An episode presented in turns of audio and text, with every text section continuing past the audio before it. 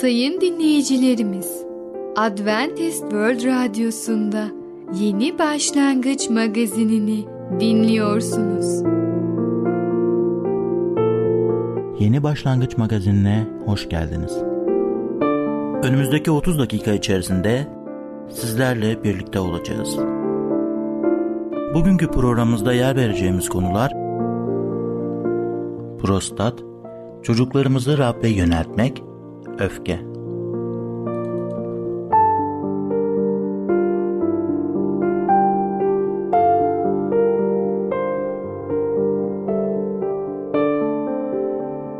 Adventist World Radyosu'nu dinliyorsunuz. Sizi seven ve düşünen radyo kanalı. Sayın dinleyicilerimiz, bizlere ulaşmak isterseniz e-mail adresimiz radio.umutv.org radio.umutv.org Bizlere WhatsApp yoluyla da ulaşabilirsiniz. WhatsApp numaramız 00961 357 997 867 06 00961 357 997 867 06 Şimdiki konumuz öfke. Öfkemizi yenebilir miyiz? Merhaba değerli dinleyicimiz. Başarılı Yaşam programına hoş geldiniz. Bugün sizlere öfke hakkında konuşacağız. Biliyor musunuz? Günah kapıda pusuya yatmıştır. Yaratılış 4. bölüm 7. ayette şöyle diyor. Doğru olanı yapsan seni kabul etmez miyim? Ancak doğru olanı yapmazsan günah kapıda pusuya yatmış seni bekliyor. Ona egemen olmalısın. Evde büyüme yıllarımda herkesin hatalı gibi göründüğü ve hiçbir şeyin istediğim gibi olmadığı zamanlar oluyordu. Etrafta dünyaya öfkeli ve huysuz bir biçimde dolaşıyordum. Annem bana Yaratılış 4. bölüm 7. ayeti söylemişti. Doğru olanı yap, seni kabul etmez miyim? Ancak doğru olanı yapmazsan günah kapıda pusuyu yatmış seni bekliyor. Ona egemen olmalısın. Bu çabuk bir kendini sınama ayetidir. Kızgın ve dünyaya öfkeli olduğumda sorun her zaman bendedir. Öfke her zaman bir karardır. Öfkelenmeyi ya da öfkelenmemeyi seçeriz. Buna zorlanmayız. Karşılaştığımız her durum karakterimizin bir sınavıdır. Kain Habil'e öfkelendi. Kain'in sorunu Habil değil kendisiydi. Kain günümüzde yaşasaydı reddediliş hisleri ve kardeş kavgası sorunu hakkında bir destek grubu bulur ve nihai olarak davranışları ve patlamaları için suçlayacak birini bulurdu. Bizimle başka insanlar arasında duvarlar oluşturanın günah olduğunu kabul etmemiz gerekiyor. Gurur, kıskançlık, kendini zavallı hissetme, korku, güvensizlik, şefkat, öfke ve hiddet günahtır. Bir günah sorunumuz olduğunu kabul etmemiz, onu itiraf ve tövbe edip Rabbin sevinciyle yolumuza devam etmemiz gerekir. Gerçek mutluluk ve sevinç kusursuz bir ortamda olmaktan değil, karşılaştığımız şeylere Mesih benzerliğinde karşılık vermekten oluşur. Efesler 4. bölüm 26. ayette şöyle diyor. Öfkelenin ama günah işlemeyin. Öfkenizin üzerinde güneş batmasın. En iyi ailelerde bile biliyor musunuz? Çatışmalar olduğu, mücadelelerin olduğu zamanlar olur. Bu düşkün dünyada hayatın gerçeklerinden yalnızca biri. Çöpü dışarı çıkarma sırasında kime olduğu, genç kızın ev ödevini bitirip bitirmediği ya da oğlunuzun ev işlerinde üzerine düşeni yapıp yapmadığı gibi basit şeyler genellikle az zararla çözülebilecek can sıkıcı fakat nispeten küçük meselelerdir. Fakat aile hayatını tehdit eden ve bozan başka meseleler de vardır. İstismarı ve hileleri de bir kadının evliliği ve sağlığı için tehdit oluşturan kayınvalide, çocuklarını suistimal eden akıl hastası bir baba, kendini hovarda bir yaşam tarzına vermek için tüm dini terbiyesini terk eden oğul ya da madde bağımlısı olan kız evlat gibi örnekler verilebilir. İncil'de tekrar tekrar birbirinizi sevmemiz, birbirimizle barış ve uyum içinde yaşamamız, birbirimize karşı sabırlı, nazik ve merhametli olmamız, başkalarını kendimizden daha önemli tutmamız ve birbirimize hoşgörüyle davranmamız söyleniyor. Elbette kendi aile fertlerimizle bile olsa bunları söylemesi kolay yapması zordur. Bu dersimizde bu konumuzda özellikle ailede yaşanan küçük sıkıntılı zamanları konuşacağız. Biliyor musunuz? Özdeyişlerin yazarı çok zekice bir gözlemde bulunuyor. Kavganın başlangıcısı su sızıntısına benzer. Bir patlamaya yol açmadan çekişmeyi bırak diyor Süleyman Peygamber. Başlangıçtan sonra bir anlaşmazlığı sona erdirmek son derece zor olabilir. Ve ayrıca de biliyoruz ki İncil'de söylendiği gibi kendimizi iki şeye esinlik getiren ve karşılıklı gelişmemizi sağlayan işlere vererek anlaşmazlıkları önleyebiliriz. Bu ilkeler aile içinde uyum için ne kadar daha önemli olduğunu düşünebilirsiniz. Bazen bir anlaşmazlığın oluşmasında sorumluluğumuzu itiraf ettiğimizde karşınızdaki yumuşayabilir. O da bir adım geri atıp buna değecek bir savaş olup olmadığını düşünün. Süleyman'ın özdeyişlerinde şöyle der. Sağduyulu kişi sabırlıdır. Kusurları hoş görmesi ona onur kazandır. Aynı zamanda bunun üç gün içinde hayatınızda nasıl bir değişikliğe yol açacağını bir düşünün. Daha da iyisi 5 ya da 10 yıl içinde nasıl bir etkisi olacak? Örneğin bugün çok önemsiz görünen meseleler uğruna kaç evlilik zor zamanlar geçirmiştir. Eşiniz, çocuğunuz, arkadaşınız, iş arkadaşınız, karşınızdaki her kimse onunla konuşurken anlaşmazlığın uzamasına izin vermek yerine açık bir şekilde sorunun ya da tartışma konusunun ne olduğunu tanımlayarak asıl konuda kalmayı seçebilirsiniz. Anlaşmazlığa sebep olan asıl mesele öfkeli sözler yüzünden geri plana itildiğinde anlaşmazlıklar genelde kötüye gider. Bu arada eski meseleler veya eski yaralar konuya dahil olur. Bu özellikle evliliklerde ölümcül olabiliyor. Tartışmaya daha iyi ve daha yumuşak bir şekilde başlamanın yöntemlerinden biri de karşısındaki kişiye ilişkinizi doğrulamaktır. Onu ve ilişkinizi iştenlikle önemsediğinizi ona bildirin. Olumlu duygularınızı ifade ettikten sonra söz konusu meseleye geçebilirsiniz. Yine de ama kelimesini kullanmamaya dikkat edin. Olumlu bir düşünce belirtip arkasında ama demek az önce söylediklerinizi boşa çıkarır. Duygularınızı paylaştıktan sonra meseleyi karşınızdakinin, karşınızdakinin bakış açısından dinleyin. Söyledikleri üzerinde düşünün ve ancak ondan sonra herkesin yararını göz önünde tutan bir çözüm önerisini de sunun. İşte bu kutsal kitabın İncil'in bir tavsiyesidir. Değerli dinleyicimiz, biz de bu yoldan yürürken Allah'ın kelamını okuyup oradan incileri bulup hayatımızda uygulayalım ve böylece öfkeye biz hakim olacağız. Öfke olunca biz onun üstesinden gelebileceğiz. Değerli dinleyicimiz, bugün öfke hakkında konuştuk. Bir sonraki programda tekrar görüşmek dileğiyle hoşçakalın. Programımızda az önce dinlediğimiz konu öfke. Adventist World Radyosu'nu dinliyorsunuz. Sizi seven ve düşünen radyo kanalı. Sayın dinleyicilerimiz, bizlere ulaşmak isterseniz e-mail adresimiz radio.umutv.org radio.umutv.org Bizlere WhatsApp yoluyla da ulaşabilirsiniz. WhatsApp numaramız 00961 357 997 867 06 00961 357 997 867 06 Şimdiki konumuz prostat. Prostat tedavileri nelerdir? Merhaba sayın dinleyicimiz. Ben Fidan. Yeni başlangıç programımıza hoş geldiniz. Bugün sizinle birlikte prostat adlı konuyu öğreneceğiz. Pek çok yaşlı erkeğin muzdarip olduğu bu konu aslında çok önemli.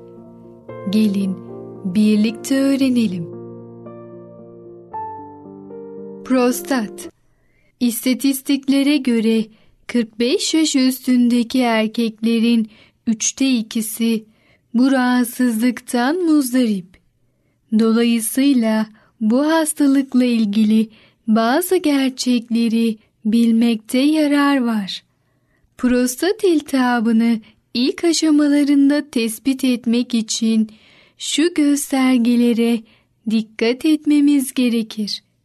Daha sık idrar yapma ihtiyacı, idrar akışının az ve kesikli olması, gece uykudan uyanarak idrara gitmeye ihtiyacı duyulması, mesaneyi tam olarak boşaltamama, eğer bu işaretleri dikkate almaz ve tedavi ettirmezseniz idrar yolları iltihabı, ciddi böbrek rahatsızlıkları ve cinsel arzunun azalması gibi sonuçlarla karşılaşırsınız. 40 yaşın üzerindeki her erkeğin yılda bir kez, 55 yaşın üzerindeki her erkeğin ise yılda iki kez ürolog muayenesinden geçmesi tavsiye edilmektedir. 40 yaşın üstündeki erkekler şu koruyucu önlemleri almalıdır. Hareketsiz bir yaşam tarzından kaçının. Kabız olmamak için önlem alın. Bedeninizi, özellikle ayaklarınızı üşütmemeye dikkat edin. Sıcak tutacak iç çamaşırları giyin ve soğuk ortamlarda çok fazla vakit geçirmeyin. Aşırı alkol kullanmayın. Daha çok sebze, meyve, sade yoğurt, kefir, çökelek, tahıl, kırmızı pancar, lahana, kabuğu alınmamış tahıl ekmeği yiyin. Taze sıkılmış kırmızı pancar, havuç ve salatalık suyundan yapılmış sebze suyu kokteyli için. Hava durumunu aldırmaksızın daha çok yürüyün. Şişmanlıktan kaçının. Şeker, şekerli ürünler ve rafine edilmiş unlu ürünler tüketiminizi kesinlikle sınırlayın. Hareketli bir yaşam tarzı sürdürün. Sabahları egzersiz yapın. Bedeninizi ve özellikle ayaklarınızı ısı değişimlerine alıştırarak bağışıklık sisteminizi güçlendirin. Düzenli olarak kısa sürelerle oruç tutmak çok iyi sonuçlar vermektedir. Halen bu hastalığa yakalanmış olanlar için de bazı tavsiyelerimiz var. Üreme, idrar yolları temizliği. Yarım litrelik bir kavanoza iki çorba kaşığı rafine edilmemiş pirinç koyun. Üzerini kaynar suyla doldurun ve 24 saat bekletin.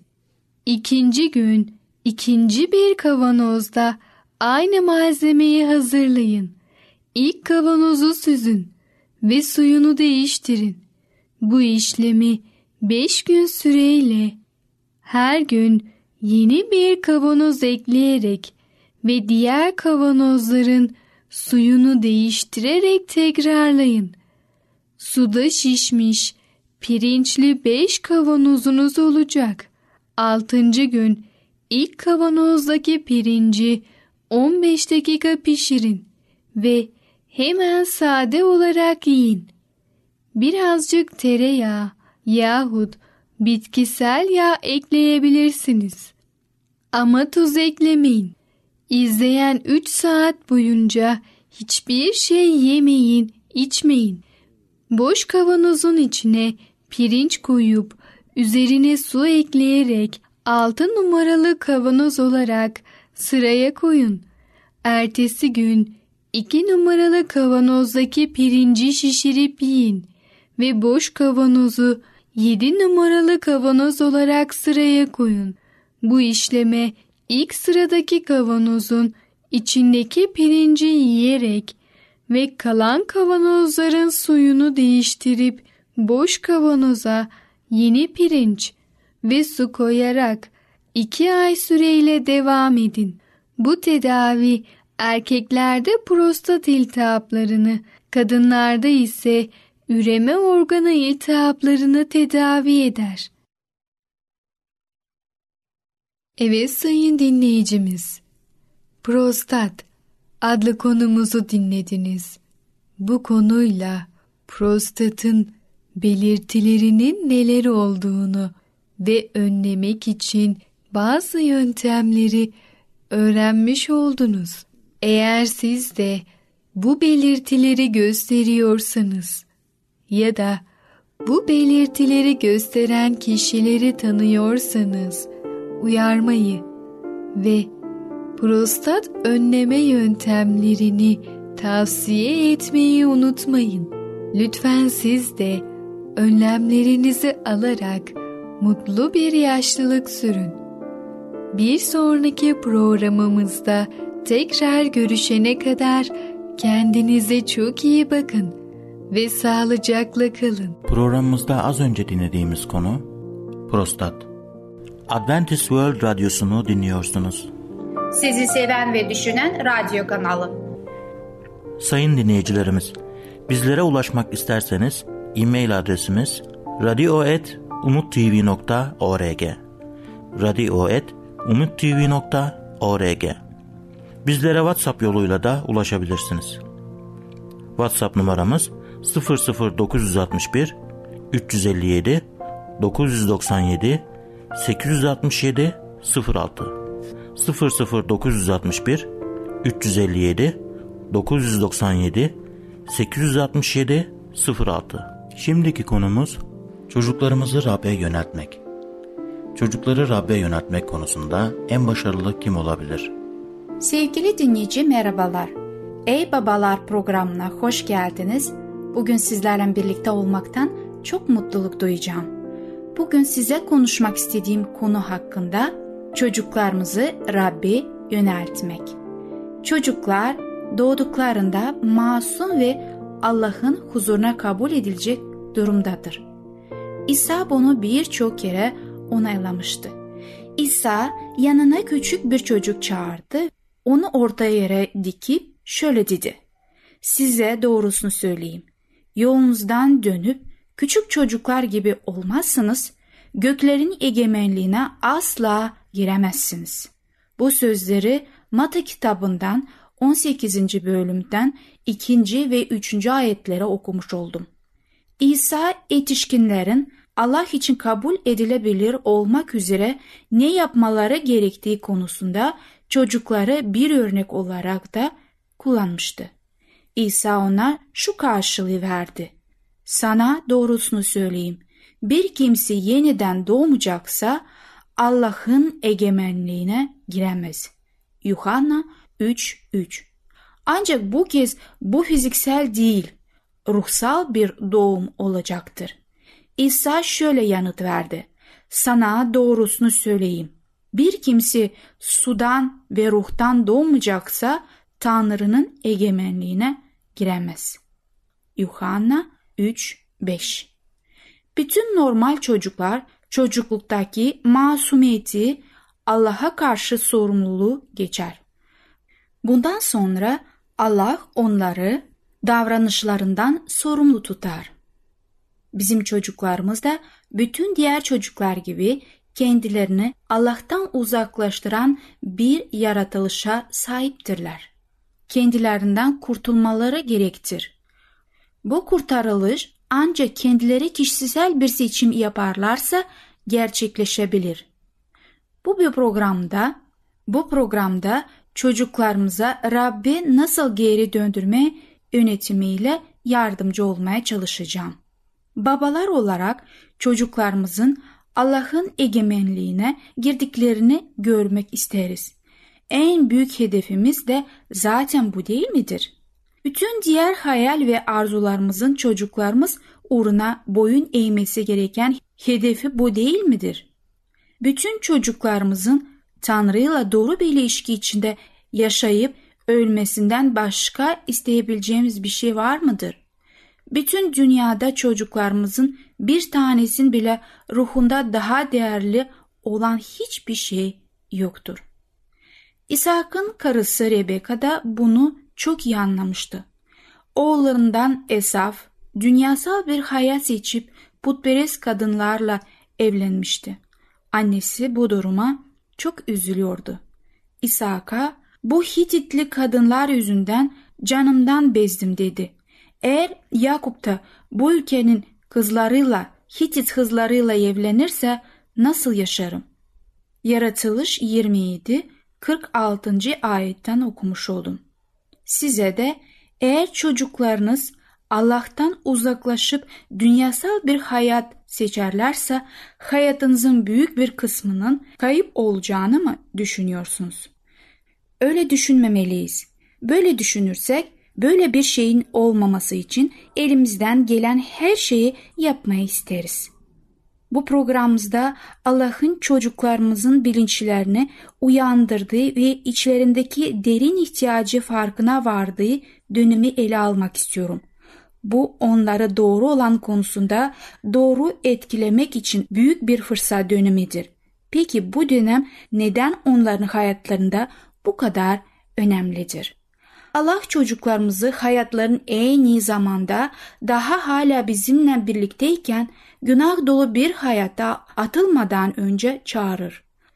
Allah onları uçarlık, hovardalık ve rezillikten kurtarmaya ister. Eğer çocuklarımız Allah'ın çağrısına karşılık vermeye erterler veya onu kulak asmazlarsa çok büyük zararlara uğrarlar. Vicdanları günaha karşı nasırlaştırdıkça Allah'a karşı duyarlılıkları azalır. Gençliklerinde Allah'a yaklaşmazlarsa hayat boyu benliğe dayalı bir yaşam sürmeye geçirmeleri çok daha kolay olur.